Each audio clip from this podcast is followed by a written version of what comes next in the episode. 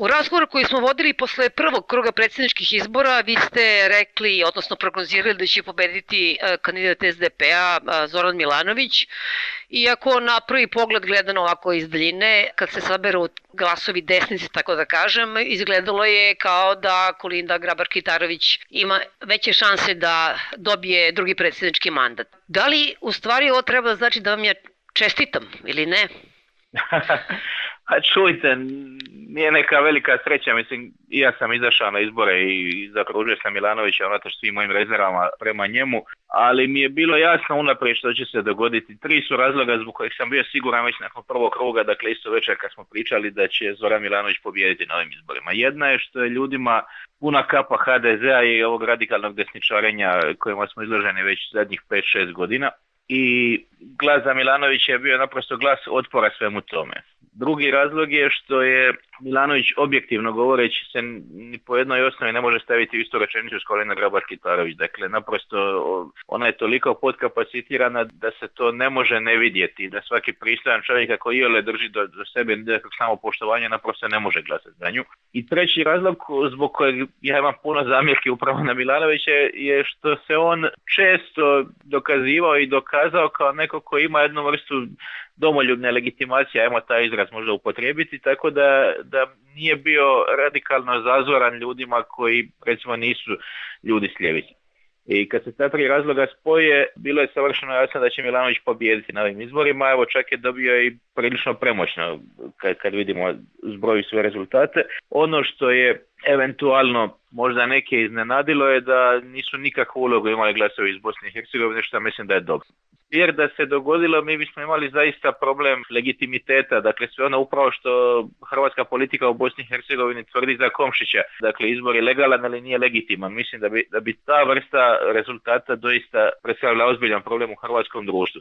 Ono što mislim da je ključno, što ovdje treba naglasiti, zašto mislim da je bitno da se ovo dogodilo, je da je hrvatsko društvo pokazalo da nije totalno otišlo kragu unatoč kompletnom radikalnom pritisku desnici zadnjih 5-6 godina da se okrene udesno i puno više nego što je inače samo po sebi bilo.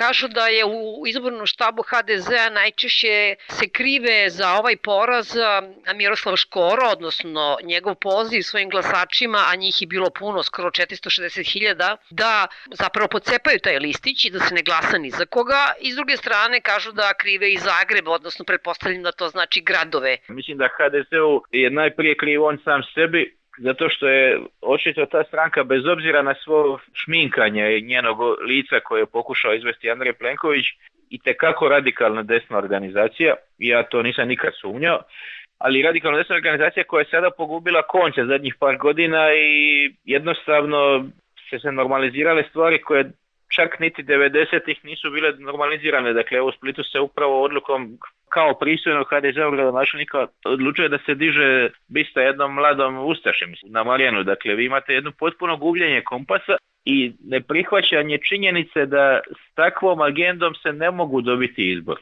kad god idu sa onim svojim stvarnim licem prema javnosti, tim radikalno desnim, dobar dio javnosti im okrene leđe, Jer Hrvatsko društvo, kažem, još uvijek nije toliko skrenulo udesno, iako je mlađe generacije vode k tome, da bi se moglo s tim radikalnim desničarenjem dobiti izbore. Zato bi se trebali u HDZ-u i tekako, pa i sam Andrej Plenković koji je nominalno predstavlja drugo lice HDZ-a, a u stvarnosti zapravo se sve ono što je zamišljeno pod Karamarkom zapravo ostvarilo za vrijeme Plenkovića vlasti, evo počnemo od Ministarstva kulture i onoga svega što je zamišljao Hasanbegović završila ni na oboljen, dakle samo sa jednim pristojnim proevropskim licem, bi se trebao zamisliti u odnosu na svoju politiku, a ono što bi se još trebao zamisliti u odnosu na kandidatima koji su podržali. Mislim, Kolen Grabak i je postala objekt ismijavanja. Ne možete imati takvog kandidata očekivati pobjedu Ove godine na jesen tiže red za parlamentarne izbore, a također trebalo bi da uslede izbori unutar HDZ-a. Da li smatrate i u kojoj meri će ovi rezultati uticati na ishod parlamentarnih izbora i eventualno na te unutarstranačke izbore u HDZ-u? Pa mislim da što se tiče situacije u HDZ-u će donekle utjecati, ali ne vjerujem da će da će se Plenkovića tek tako destabilizirati ukoliko se on odluči da prije izbora u HDZ-u raspiše parlamentarni izbore, što više uopće nije nemoguće vidi se naravno da je nekakva SDP-ovska ljevica ili nekakva građanska Hrvatska dobila sada naravno vjetar u leđa i pitanje je da li će ga iskoristiti. To je jedna sasvim druga utrka, ona nije personalna, ona puno više stranačkoj mašineriji gdje HDZ i dalje nenadmašan i po meni je, nije bilo izvjesno da će HDZ generalno izgubiti te izbore prije par mjeseci. Sada je već izvjesno da hoće, ali je dogodilo se još nešto bitno na ovim izborima, a to je da populisti nisu prošli da oni su dobili zbroj istih tih 15% posto glasova, međutim ja ne vidim da će i Živi Zidi, Most i Kolakušić i svi ti koji su se pojavili više igrati značajnu ulogu na način na koji su igrali u sastavu parlamenta u zadnja dva ciklusa. Tako da ćemo opet doći u situaciju ili blok oko HDZ-a ili blok oko SDP-a i tu puno ovisi o ponašanju SDP-a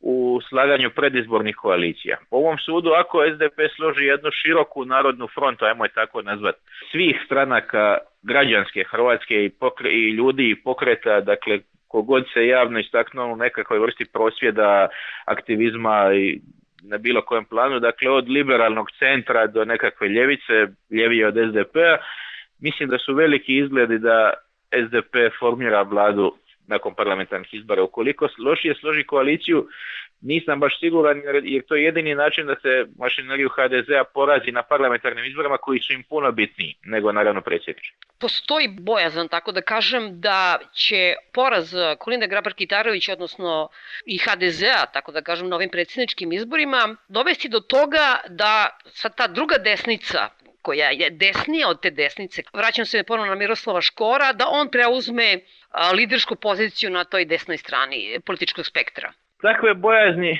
realno nema. Prvo Miroslav Škoro nije kapacitet za političkog lidera, to je sada valjda svima jasno. On jeste mogao kao jedno neutralno lice, odnosno lice koje je jasno desno, ali mogao se prodati kao takav anti-establishment kandidat nekima. Međutim, e, imam nešto i malo iskustva, do duše minornog u odnosu na ovu, ovu vrstu igre, oko toga što znači organizirati političku stranku.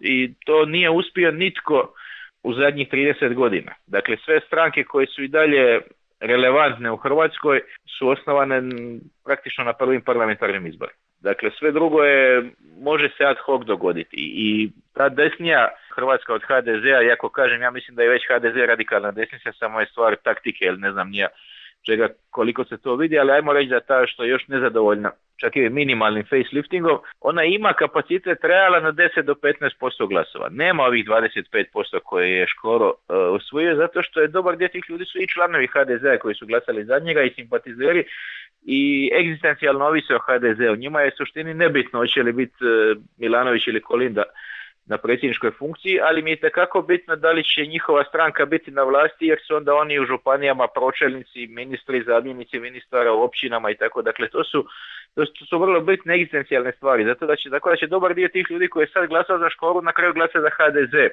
na parlamentarnim izborima, a što se tiče te potencijalne desnice imala taj problem što se nikako nije mogla ujediniti. Uvijek su izlazili u 5, 6, 7 minornih pravaških strančica i slično. Ako oni sada E, i uspio dogovoriti zajednički izlazak baš svih, dakle i Mosta i Ruže Tomašić i Hasanbegovića i Brune Esih pa i sa Škorom na čelu. Oni imaju kapacitet za jedno desetak mjesta u parlamentu, to nije baš zanemarivo, ali to nije neki faktor koji će, snaga koja će imati neki veliki utjecaj po meni nakon idućih izbora. Da li ova pobjeda Milanovića i eventualna pobjeda, odnosno promjena vlasti ove godine, može da znači neku promjenu politike Hrvatske unutar regiona? Mislim naravno pre svega na Bosnu i Hercegovinu. Prvo Milanović, nažalost, dijeli neku fiksaciju s Franjom Tuđmanom koja je bazična HDZ-ovska. Dakle, po meni, neko ko zaista želi nešto drugčije ne može imenovati Zagrebačka aerodrom po Franji Tuđmanu i uopće govoriti o, njemu kao nekakvom ozbiljnom državniku. Franji Tuđman je apsolutna štetočina koji je unazadio Hrvatsku nekoliko desetljeća i na civilizacijskom planu najviše. Nažalost, i Milanović i SDP do sada, ako nisu zadnjih 30 godina i neće, nisu se zapravo obračunali sa tuđmanizmom kao takvim i to je činjenica. Ono što jeste isto činjenica je da je Milanović na zadnjem sučeljavanju uspio malo reterirati oko Bosne i Hercegovine i rekao je da tamo treba razgovarati sa svima, pa i sa Komšićem i sa Dodikom i naravno i sa bošnjačkom stranom.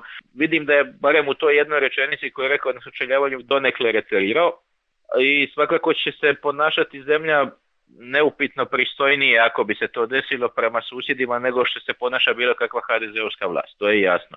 Da li će u sadržajnom smislu riječi, e, u sadržajnom smislu biti nešto drugčije, pa možda i to, jer evo je također na zadnjem sučeljavanju Milanović rekao da nema namjeru e, blokirati put recimo Srbije u Europsku uniju. Naravno misli da treba riješiti pitanje nestalih, ali da ne treba na taj način ucjenjivati susjede. Tako da ako zaista ostane na tom tragu i ako SDP, odnosno nekakva građanska Hrvatska dođe na vlast, mislim da se nešto bitno u, smislu hrvatskog državotvorstva neće mijenjati, jer da, da će se znatno relaksiranije pristupati regiji nego što se pristupalo do sada. Inače, temeljni problem Hrvatske prema Bosni i Hercegovini je taj što je politika duboko patronizirajuća. Čak nebitno kako je ideološka profilacija. Dakle, zamislite situaciju, dakle, hrvatski, evo i Kolinda i Milanović i svi su uzimaju sebi za pravo da govore o izbornom zakonu u Bosni i Hercegovini. Zamislite situaciju da, evo, da Milorad Dodik počne e, ozbiljno komentirati izborni zakon u Hrvatskoj i prava Srba ili Aleksandar Vučić. Pa to bi izazvalo apsolutnu sablazan eh, nacionalističku histeriju i slično, a ljudi u hrvatskoj politici smatraju samo razumljivim da, da se miješaju stvari susjedne zemlje, dakle da je uopće ne doživljavaju kao relevantan vanjsko-politički faktor, na kraju krajeva i kao nekoga ravnog sebi, nego kao nekoga ispod sebe. Mislim da to naravno problem i Srbije prema Bosni i Hercegovini, ali najprije problem odnosa građana Bosne i Hercegovine prema toj zemlji, jer je, ovo je najtužnije mi je od svega što ti ljudi, evo koji u mom rodnom Mostaru hrle na izbor, žive u nekakvoj iluziji da će im na jedan način njihove bilo kakve probleme riješiti to ko će biti na vlasti u Hrvatskoj, a ne ono što se zapravo događa u Bosni i Hercegovini.